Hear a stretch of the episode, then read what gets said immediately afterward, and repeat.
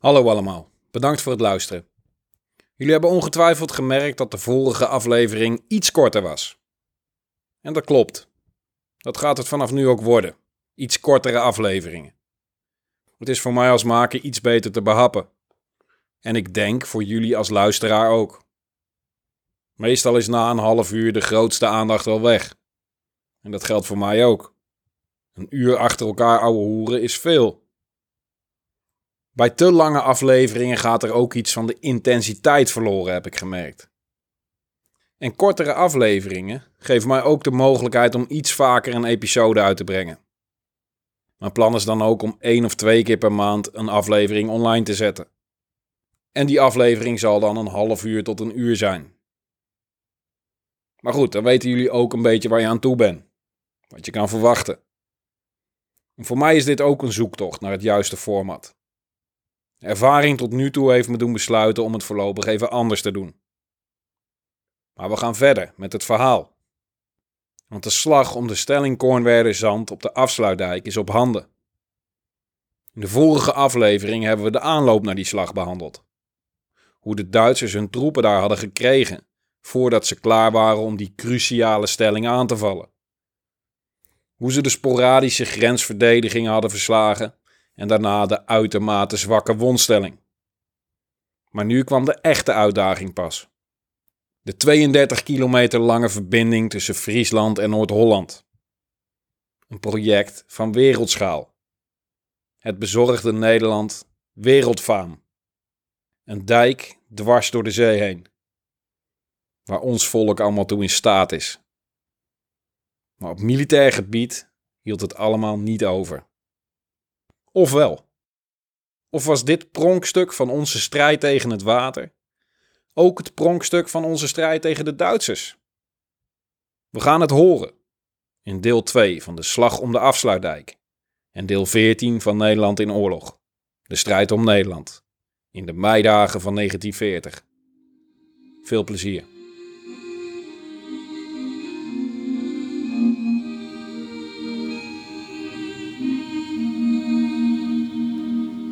De verdedigende troepen op de afsluitdijk waren twee compagnieën. 227 man, geloof ik precies.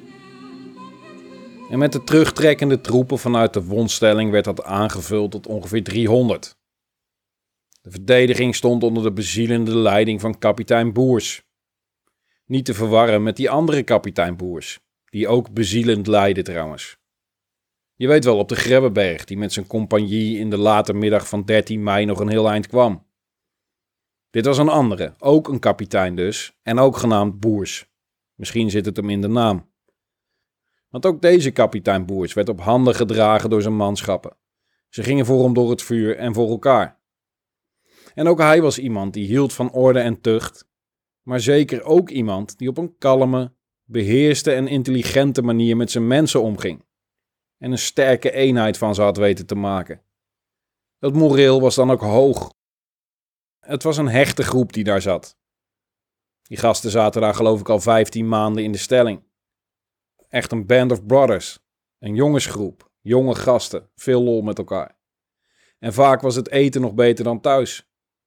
Bijvoorbeeld vaker vlees op het menu dan dat ze thuis kregen. Bij het Kazematten Museum zie je foto's en verhalen van deze periode. Van de bezetting die daar zat. En dan zie je dus grotendeels lachende gezichten. En dit soort anekdotes dus. Voor een jonge man anno 1940 die niet veel had meegemaakt in zijn leven over het algemeen, was dit eigenlijk best een leuke tijd. Althans, dat idee heb je. Zeker doordat het leiderschap van Boers dus ook gewoon prettig was. Een prettige samenwerking. Geen keiharde kadaverdiscipline. Maar hij wist desondanks toch het beste in zijn mensen naar boven te krijgen. Die verschillende types leiderschap, die zijn er nou eenmaal. En welke er het best werkt, geen idee. Maar deze werkte in ieder geval goed. Ik zie het altijd een beetje als bijvoorbeeld het verschil tussen Louis van Gaal en Guus Hiddink. Van Gaal zet mensen onder druk en legt ze het vuur aan de schenen. Guus Hiddink is meer een warme, een beetje vriendelijke man. En beide stijlen werken dus. En Boers was voor zover ik dat kan inschatten, wat meer het type Guus Hiddink. Zo is er ook een anekdote van een soldaat die gaat trouwen vlak voor het uitbreken van de oorlog. En die zelfs de motor van kapitein Boers mag lenen om daarheen te gaan. Maar een vriendengroep dus, en een leider die ze hoog hadden zitten. Daar liepen ze mee weg. Jan van Dokkum was een van hun en hij vertelt in een interview over die periode. Hij was erbij.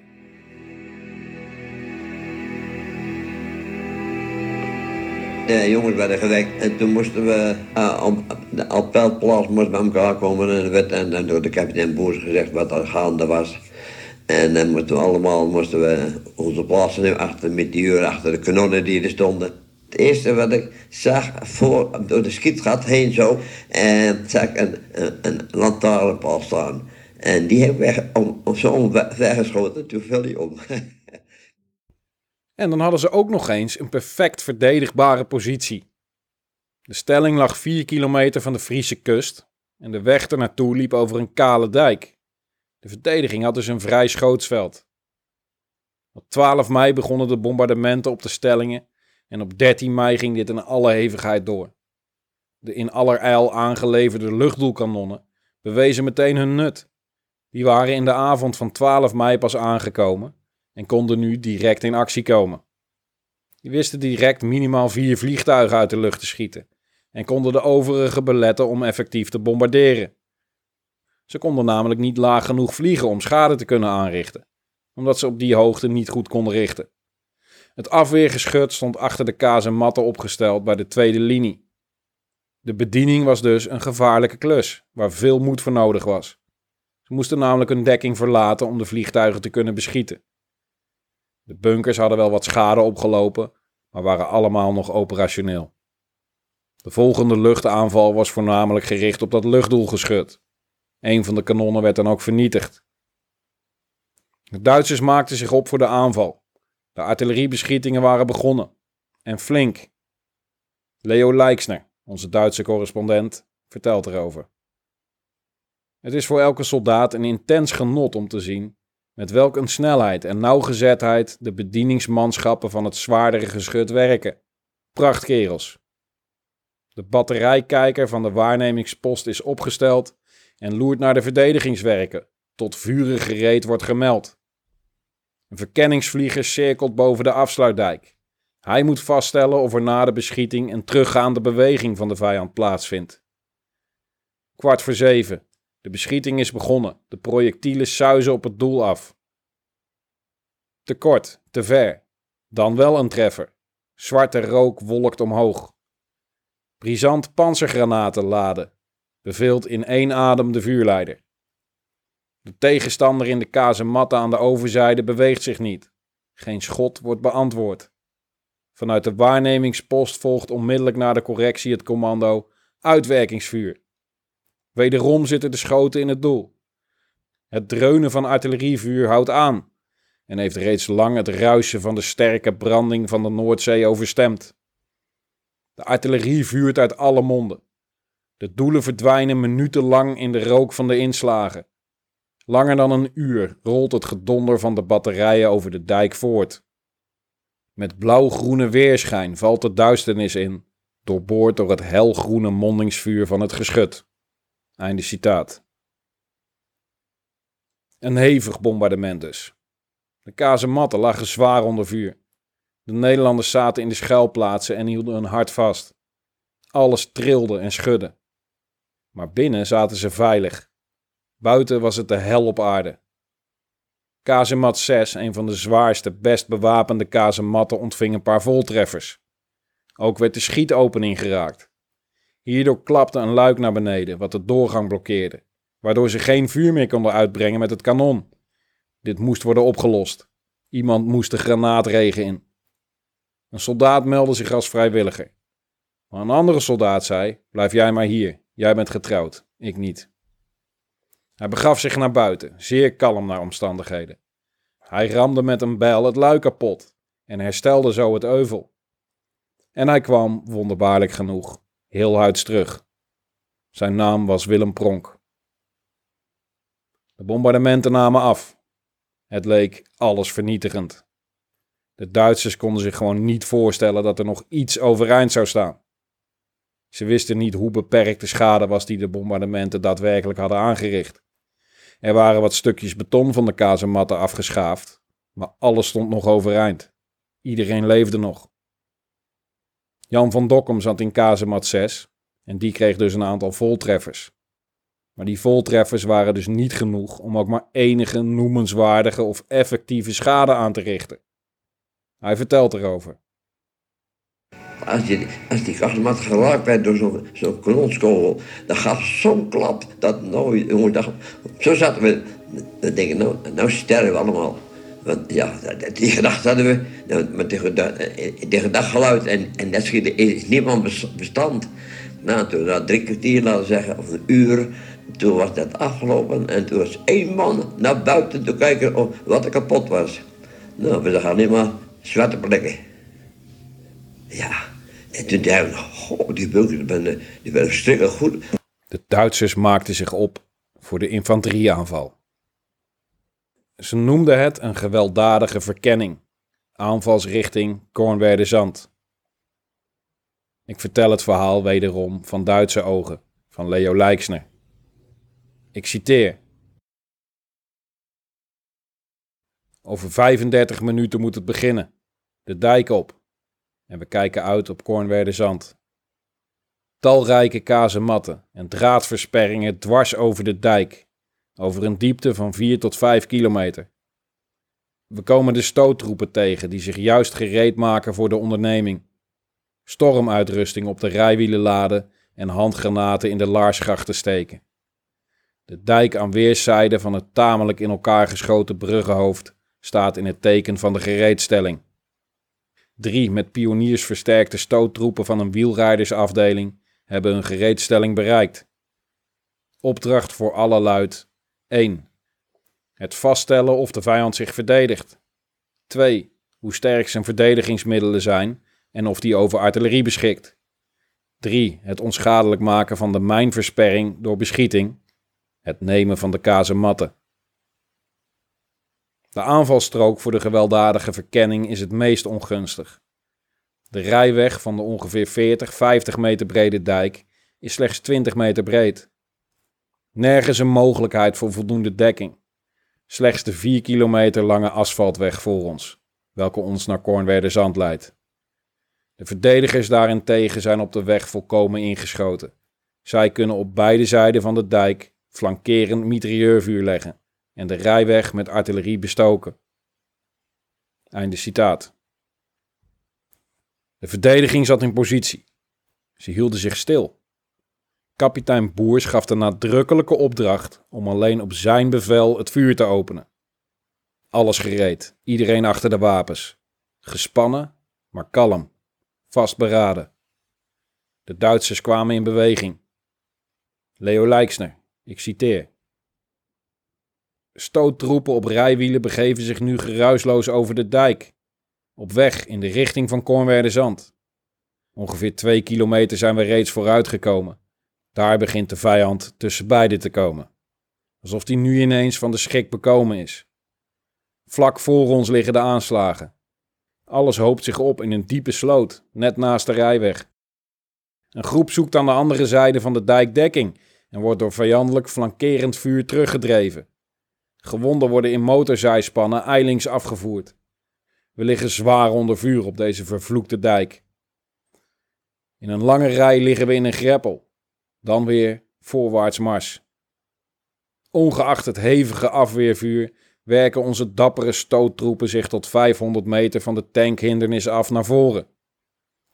Panzerafweerprojectielen spatten op het asfaltdek uiteen en men tracht op de grond liggend aan platheid een bot te evenaren. De commandant van de bereden artillerie en zijn adjudant worden zwaar gewond op motoren teruggebracht. Langzaam maken de stoottroepen zich weer van de vijand los. De gewelddadige verkenning is ten uitvoer gebracht. We staan kort voor het invallen van de duisternis. Het is negen uur geworden. De stoottroepenonderneming zonder dekking, het doodsverachtende, moedig voorwaarts gaan van de troep op de vlakke dijkweg, de vurende vijandelijke lopen tot schijf dienend, zal als een kranige daad van ons wielrijdersbataljon in herinnering blijven. Einde citaat. Hij weet dit mooi te vertellen. Een kranige daad was het wel. Alleen de aanval was gewoon kansloos stuk gelopen. De Duitsers moesten terug naar de tekentafel. De opgedane kennis tijdens de verkenning moest worden gebruikt voor de volgende aanval. Maar de Nederlanders hadden hun zware wapens nog niet eens ingezet. Alleen de lichte mitrailleurs en de pars. Dus die posities van de zwaardere kanonnen waren geheim gebleven. Waarschijnlijk een bewuste keuze van kapitein Boers met het oog op een langdurige strijd. Hij wilde niet meteen als een troeven op tafel gooien. De volgende dag zouden de Duitsers het weer gaan proberen. Het marineschip, de Hare Johan Maurits van Nassau, had ondertussen de Waddenzee getrotseerd in een knap staaltje navigatie om Cornwerdezand van vuursteun te voorzien. Engelse steun van de HMS Valorous was uitgebleven. Die had goede luchtafweer. Maar die durfde het niet aan. Dus ging de Maurits van Nassau alleen, beperkt beschermd tegen luchtaanvallen. Het schip werd vanuit de kazematten naar de doelen gepraat, door luitenant van de Ham, de tweede man van Boers. Het was een zeer succesvolle actie. De zware kanonnen van het schip wisten de volledige Duitse artilleriebatterij op de Friese kust uit te schakelen. Later zou de kanonneerboot nog proberen om uit te wijken naar Groot-Brittannië, maar hij werd bij Callansoog tot zinken gebracht door luchtaanvallen. 17 matrozen kwamen om. De rest werd door andere marineschepen en de reddingsbrigade opgepikt. Maar zonder artilleriesteun op de Friese kust en zonder uitzicht op een doorbraak zouden de Duitsers afzien van verdere grootschalige aanvallen op de afsluitdijk. Het was een te riskante, een te kostbare operatie geworden. Plan B om via het IJsselmeer over te steken kwam ook niet van de grond. Het lijkt er zelfs op dat ze tijd aan het rekken waren. Met de situatie in de rest van het land zag het er naar uit dat de Nederlandse overgave niet lang meer op zich zou laten wachten. De afsluitdijk hield stand. Ze kregen het niet voor elkaar dus. Het was een bijzonder verhaal. Het werd een stukje vaderlandse trots.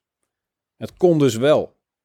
We waren daar ergens in die meidagen absoluut superieur geweest dan die moffen. Het had een helende werking op een volk, wat een aardige klap door voortdurend gaat. Het werd een legende. En de slachting die er was aangericht onder de Duitse troepen werd schromelijk overdreven.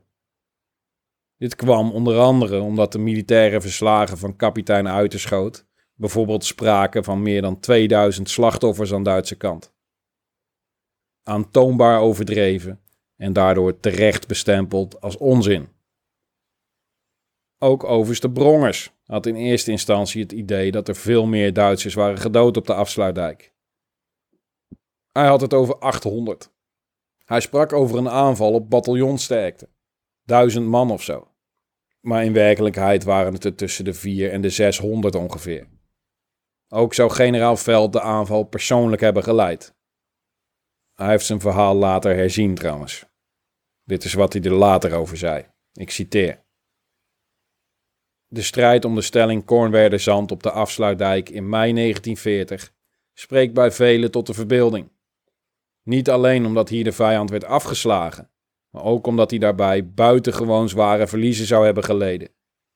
Gekrenkte nationale trots, wraakgevoelens en haat jegens de bezetter maakten van het treffen een Duits bloedbad van ongekende omvang. Vooral tijdens de bezettingsjaren was dit balsem op de wonden. Al deze overigens begrijpelijke verhalen konden door het na de oorlog verrichte onderzoek tot meer juiste proporties worden teruggebracht. Vast staat echter dat de Duitse aanval in een volledige mislukking eindigde en aanzienlijke verliezen aan personeel heeft gekost. Merkwaardig genoeg bestonden die bijna uitsluitend uit veel zware en lichtgewonden. Einde citaat.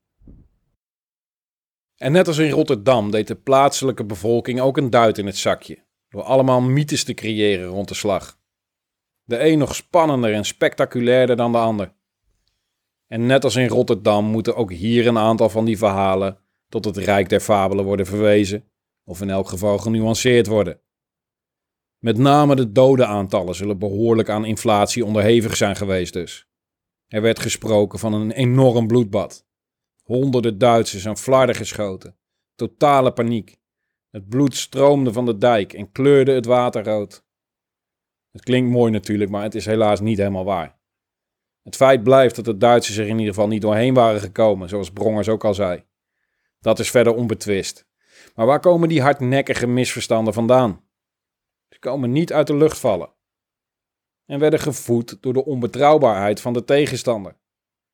In Duitse rapporten, die overigens gedeeltelijk vernietigd zijn na de oorlog, werden gewoon veel lagere dodenaantallen genoemd. 23 doden. Maar die rapporten zijn dus niet volledig.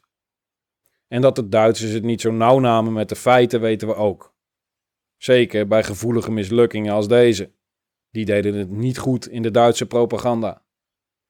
En ze hebben sowieso altijd geheimzinnig gedaan over een dodenaantallen in Nederland. Om propagandaredenen dus. En om diezelfde reden probeerden ze hun dodenaantallen te verhullen. Geconfronteerd worden met vele slachtoffers was slecht voor het moreel van de eigen troepen en zou de vijand juist hoop geven. De doden werden dus zoveel mogelijk clandestien weggevoerd richting Duitsland. Veel van deze dodentransporten zijn opgemerkt door Duitse militairen en Nederlandse burgers en krijgsgevangenen. Niemand weet precies hoeveel Duitse slachtoffers hierdoor de statistieken hebben ontlopen. Enkele honderden, dat zeker. Wellicht duizenden. Ook werden alle ziekenhuizen in de wijde omgeving overspoeld met gewonde Duitsers. Hier zijn overigens wel rapporten en verslagen van. Voor het relatief hoge aantal niet-dodelijke slachtoffers is ook een andere verklaring. Dat schijnt weer te komen door de brisantgranaten die de Nederlanders gebruikten. Die explodeerden in duizenden zeer kleine deeltjes, waardoor heel veel Duitsers gewond of licht gewond raakten, maar er niet heel veel dodelijk getroffen werden. Alleen een directe voltreffer of van zeer dichtbij zou dodelijk kunnen zijn.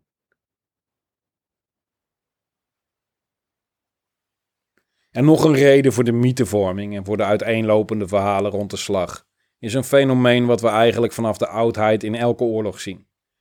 Vanuit beide partijen wordt doorgaans de vijand overschat. Bewapening en troepensterkte en fanatisme worden aangedikt.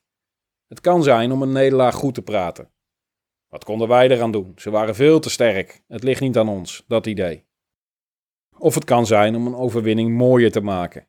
Als je namelijk sterke en numeriek superieure krijgers hebt verslagen, kan je nagaan hoe geweldig jij dan bent. En dat gebeurt aan alle kanten van een oorlog vrijwel altijd. Julius Caesar deed het al. Die had met 40.000 man ook hordes van honderdduizenden dappere krijgers verslagen. Volgens hemzelf. Een overmacht, oké, waarschijnlijk wel, maar waarschijnlijk niet zo'n overmacht. En wie weet waren die Franken ook helemaal niet zo dapper als hij omschreef. Lichtelijk self-serving dus, hoogstwaarschijnlijk. Maar ja, hij is de enige bron. Tijdens en na de slag om Nederland en die bij de afsluitdijk gebeurde dit dus ook.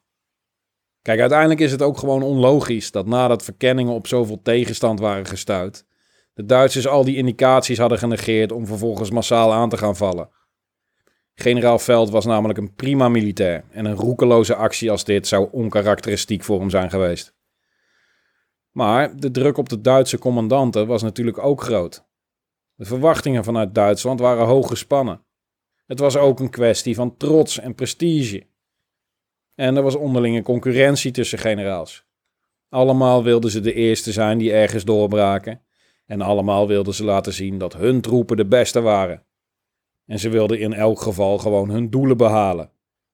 Uit niets blijkt dat generaal Veld hier 100% immuun voor was. Dus het is helemaal geen onbegrijpelijke gedachte dat ze met bruut geweld en het gewicht van de grote aantallen de verdediging hadden proberen te overrompelen. Maar achteraf onderzoek heeft aangetoond dat dit niet op deze manier is gebeurd. Een aanval op bataljonsterkte is er dus nooit geweest. Maar de Duitsers hadden geen idee hoeveel schade de bombardementen hadden aangericht. Die waren behoorlijk intensief en langdurig geweest. En er werd zeker wel rekening mee gehouden dat dat voldoende was voor een doorbraak met infanterie. Daarom stuurden ze toch een detachement stoottroepen met de verkenners mee, met het idee om eventueel al door te kunnen breken dus. Maar dat bleek een grote fout te zijn. Het Duitse plan om Noord-Holland via de afsluitdijk te nemen was uitgelopen op een debakel. En eerlijk is eerlijk, een sterk gefortificeerde stelling waar maar één weg naartoe loopt, is natuurlijk een tactische nachtmerrie voor elke aanvallende commandant. De stelling Kornwerder-Zand bleek simpelweg te sterk te zijn voor het Duitse leger. Het geeft te denken. Wat nou als de verdediging op meerdere plaatsen in ons land optimaal was geweest? Goede natuurlijke barrières genoeg zou je zeggen, met al die rivieren en waterwegen. Genoeg plekken waar je het een vijand moeilijk kan maken.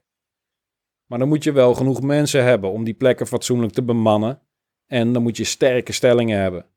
Dan kan je vijandelijke grondtroepen lange tijd stuiten. De andere cruciale factor is luchtafweergeschut.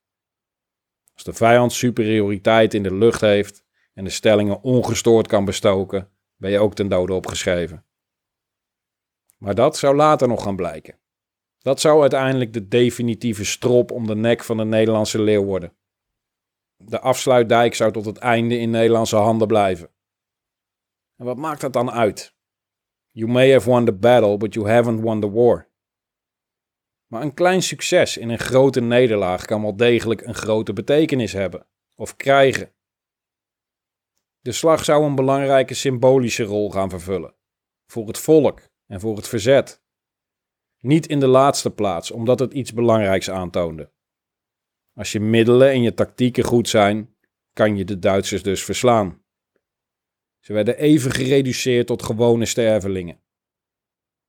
Het zijn dus niet een soort moordmachines met bovennatuurlijke krachten, maar gewone mensen en dus verslaanbaar.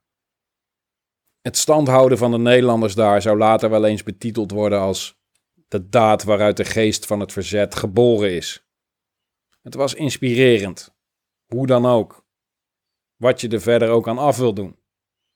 En of die dodelijke slachtoffers nou wel of niet meevielen, of het er nou vijf of 2500 waren. Het feit blijft dat een kleine, sterke groep verdedigers met hoog moreel het in moderne bunkers met goede wapens hebben opgenomen tegen een ervaren, goed bewapende vijand met sterk numeriek voordeel, die nagenoeg overal in Europa met speels gemak aan het winnen waren. Maar hier niet. Hier lukte het niet. Hier werden alle aanvallen afgeslagen, uit de lucht en over land. De stelling bleef gehandhaafd. Wij hebben daar gewonnen. Ken je het verhaal van kapitein Boers in het Kazemattenmuseum Kornwerderzand? Het is 13 mei 1940. Kapitein Boers is commandant over de moderne stelling Kornwerderzand. Zijn mannen zitten in betonnen kazematten, gewapend met mitrailleurs en lichtgeschut. De Duitsers hebben net het vuur geopend op de stelling. Duitse verkenners en stoottroepen fietsen de afsluitdijk op. Boers wacht geduldig tot ze op zo'n 800 meter afstand zijn. Zijn mannen openen het vuur vanuit kazemat 6. De Duitsers proberen zich terug te trekken, maar dan opent het vuur uit kazemat 2. Na anderhalf uur is de strijd voorbij. Kornwerderzand is een van de weinige plaatsen in West-Europa waar de Duitse troepen tijdens de Blitzkrieg niet weten door te breken. Slechts 225 Nederlandse soldaten lukt het zo'n 17.000 Duitsers tegen te houden. Twee dagen later capituleerde.